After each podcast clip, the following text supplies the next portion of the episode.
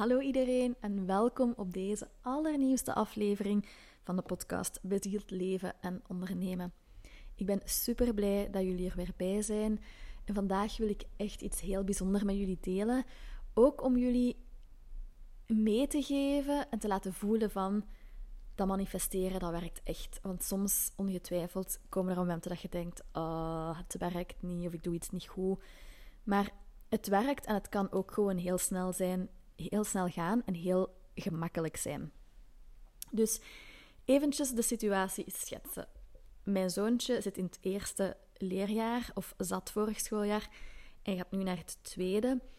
Mm, Loïc heeft eigenlijk altijd heel veel tijd nodig om zich aan te passen aan een nieuwe situatie. Heeft hij van geen vreemde. Ik heb dat ook altijd gehad. Ik was altijd aan het wenen als ik naar een ander studiejaar of naar iets anders moest gaan. Ik heb zelfs in mijn derde middelbare, denk ik, gewoon een heel jaar geweend tussen elke speeltijd. Altijd als ik thuis kwam, voor ik naar school vertrok in derde middelbare. Dan, dat is 15, 16 jaar. Ehm, en ik kon dat op die moment eigenlijk niet plaatsen. Ik had zo het gevoel van, ja, wat is er eigenlijk mis met mij? En nu, met al het innerlijke werk dat ik gedaan heb, met al de boeken dat ik gelezen heb, weet ik van, ja, ik heb gewoon moeite met... Um, met mij veilig voelen ergens anders. Ik moet daar, ik moet daar iets aan doen. Hè. Ik, heb daar, ik, ik pas mijn tools dan toe, want ja, dat is ook gewoon niet fijn om de hele tijd te zitten wenen. Maar dus, met dat de jaren vorderden, um, is dat wel beter beginnen gaan.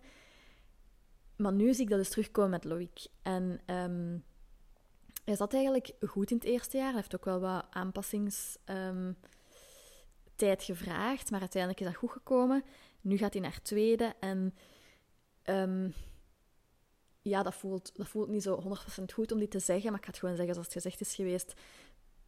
Toen ik vroeg naar de juf van het tweede leerjaar, heb ik veel mensen horen, horen zeggen van ja, um, dat is geen gemakkelijke. Die, die kindjes met, extra noden, um, daar heeft ze niet veel zin in of tijd voor. En ik weet natuurlijk, je, weet dat nooit. Tenzij dat je echt in die situatie zit. En dat zijn vaak ook vooroordelen. Maar dat, dat zorgde wel voor een bezorgdheid. Um, als mama. Zeker omdat ik weet dat we ook veel naar school gaan. Om dingen te bespreken en, en om te kijken dat het goed verloopt. En om, echt, om hem echt de nodige ondersteuning te bieden. Um, dus ik zat daar wel met een, een, ja, zo'n een krop in mijn keel of zo'n bol in mijn maag. En een bepaald moment kwam hij ook thuis en zei hij van, ah oh ja, ik wil eigenlijk niet um, weggaan, want ik zie dat eigenlijk niet zitten met die, met die, met die andere juf. Wat natuurlijk normaal is, omdat dat een verandering is, maar met wat ik al wist, dacht ik van, ja, dat gaat daar ook wel mee te maken hebben. Dus ik zei tegen hem, Loïc, weet je nog wat ik jou geleerd heb over dat je dingen zelf kan creëren, over het manifesteren dan? We gaan dat eens toepassen. En voor ik dat ga vertellen, ik nog eventjes terugkomen op, het, op de term manifesteren. Want wat is manifesteren eigenlijk? Dat wil zeggen dat je de creator bent van je leven. En dat je heel veel, uh, sommige mensen zeggen alles, maar daar ben ik zelf nog niet helemaal uit, maar wel heel veel zelf kunt creëren en kunt veranderen. Um, Zo'n beetje zoals dat je de regisseur bent van een toneelstuk of de auteur van een boek en dat je dat gewoon helemaal zelf kunt invullen. Dus ik leer eigenlijk mijn kinderen dat ze zelf heel veel in hun hebben, dat ze een heel krachtig wezen zijn, zodat ze niet te veel van hun, ja, van hun kracht weggeven en ook niet te veel gaan zoeken extern. Dus elke keer wat ik dan doe, elke keer wanneer hij zegt bijvoorbeeld, ik vind iets niet leuk, dan zal ik zeggen, ja Loïc, maar zeg wat je wel wil. Want door te zeggen wat je niet wil, dat, dat begrijpt het universum niet. Of dat begrijpt mama niet. Zeg mij wat je wel wil. Zo leert hij ook op een positieve manier dingen te vragen. Zo leert hij om op het positieve te focussen. En dan heb ik hem ook geleerd dat dat hij eigenlijk heel veel zelf kan kiezen en bepalen en creëren in zijn leven. En dan heb ik hem uitgelegd dat hij hulp moet vragen aan zijn engeltjes. En natuurlijk, natuurlijk komen er vaak vragen van, ja, maar bestaat dat wel echt? Want er zijn mensen die dat tegenspreken, zelfs in onze familie. En dan zeg ik, ja, Loïc, dat is eigenlijk een keuze dat je maakt. Hè? Dat is elke dag de keuze dat je maakt. Geloof ik daarin? Of in wat ga ik geloven? Waar kies ik voor om in te geloven? Waar kies ik voor om voor te gaan? Ehm, dus dat is heel belangrijk dat hij dat weet en dat het niet zozeer iets is dat ik hem opleg. Want als hij daar niet wilt in geloven, dan mag hij daar zeker voor kiezen.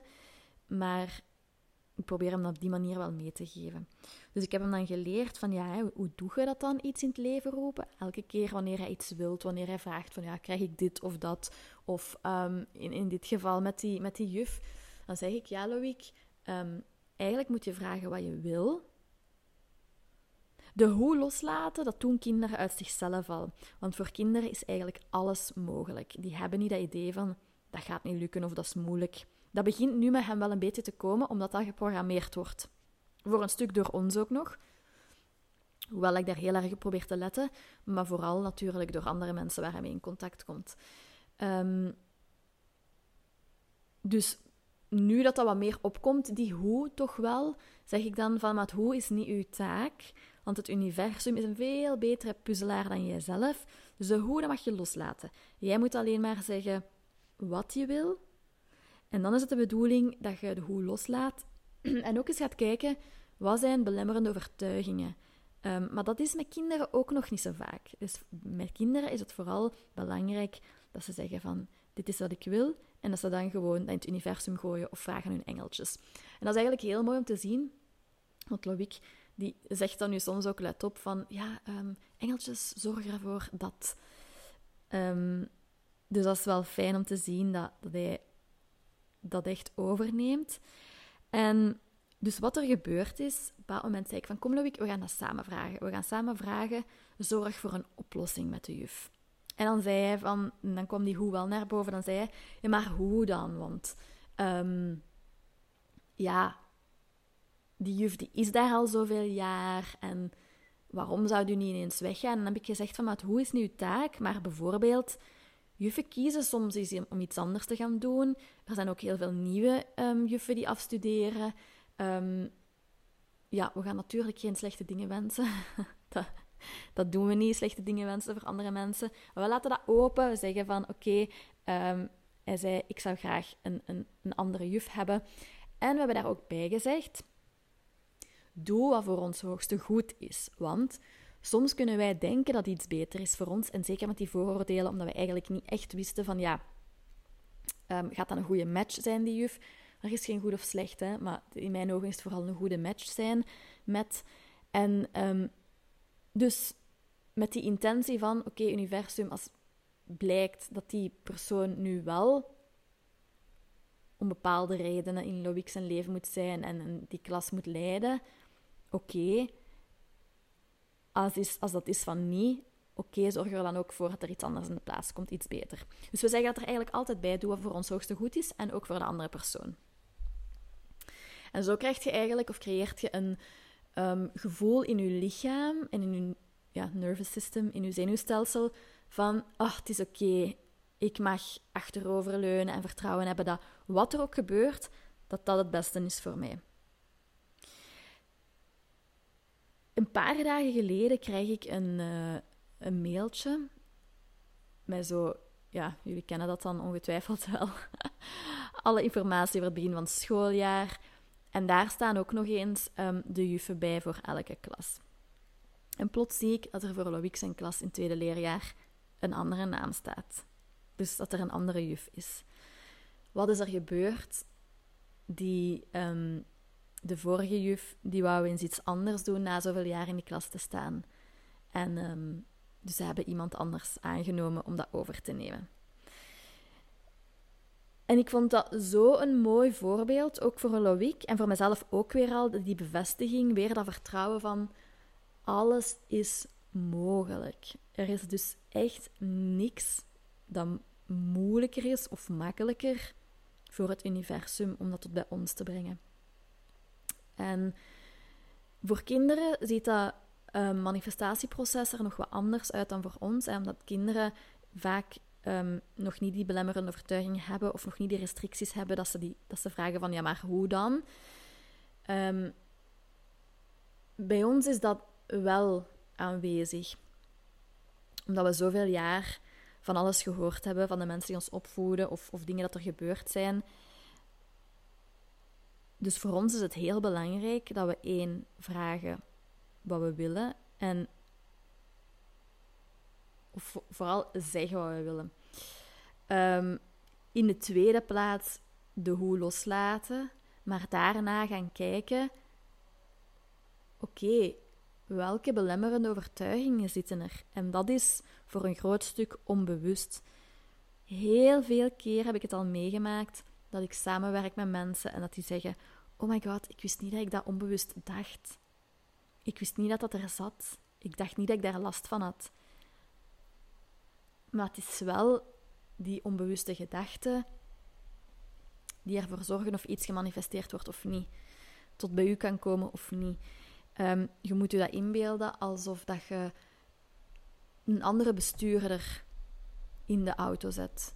Dus je hebt nu op dit moment bij veel mensen die dit werk niet doen, die dat innerlijk werk niet doen, zit er iemand achter het stuur en die rijdt u naar plekken. Jij zit op de passagierszetel en die bestuurder die rijdt u of die vervoert u naar plekken waar je eigenlijk niet wilt zijn en dat je dan ook nog eens afvraagt, hoe kom ik hier nu eigenlijk altijd terecht? Want keer op keer komt je op diezelfde plekken terecht. Hoe kom ik hier nu eigenlijk altijd terecht? Dus nu elke keer, waarom moet mij dat weer overkomen? Dus wat heel belangrijk is, is dat je van plaats gaat veranderen. Of die bestuurder eigenlijk gewoon buitenshot. maar heel liefdevol, hè? Um, die, die ehm, bestuurder, dat is een beschermingsmechanisme. Die doet dat om te beschermen. Dus. Maar we moeten die wel gaan vertellen. Oké, ik weet dat jij mij wilde beschermen, maar ik ga nu wel zelf het stuur in handen nemen. Want I've got places to go. I've got places I want to be. Ik wil, ik wil ergens anders zijn. En dat is wat ik bedoel met belemmerende overtuigingen shiften. Je gaat achter het stuur zitten en je kunt zelf rijden naar waar je wilt. Want je manifesteert niet wat je wilt, je manifesteert wat je onbewust gelooft. Dus dat is een hele belangrijke om mee te nemen. Hiermee heb ik alles gezegd voor vandaag. Laat mij vooral weten ehm, wat je ervan vond of wat het voor u gedaan heeft. Of misschien zijn er nog net meer vragen naar boven gekomen of iets extra bijkomend. Mocht je mij altijd een privéberichtje sturen op Instagram of Facebook of een mailtje sturen. Ehm, op Instagram en Facebook zit ik op Julie Belper. En zo kunt je me altijd vinden. Je mocht ook altijd gewoon een reactie achterlaten op Spotify, want zo vinden veel meer mensen de podcast. De wereld kan nog veel meer van dit gebruiken, ben ik van overtuigd. Dus deel het gerust ook, of neem een screenshot en deel het in je stories. Ehm, als je denkt, ja oké, ik heb wel mensen in mijn publiek die dit moeten horen en zien. Volgende week ben ik terug voor jullie en dan gaat het weer helemaal over het ondernemerschap. Want de laatste tijd heb ik heel veel mensen op mijn pad gekregen die tegen mij zeggen, ondernemers dus, oh, ik heb klanten die mij niet betalen. En daardoor zit ik in de problemen. Of daardoor, daar word ik moe van om altijd achter die klanten te zitten. En ik ga je vertellen wat je daaraan kunt doen. En waarom dat eigenlijk alleen maar, of voor het grootste deel vaak, bij u ligt. Heel veel liefs en tot volgende week.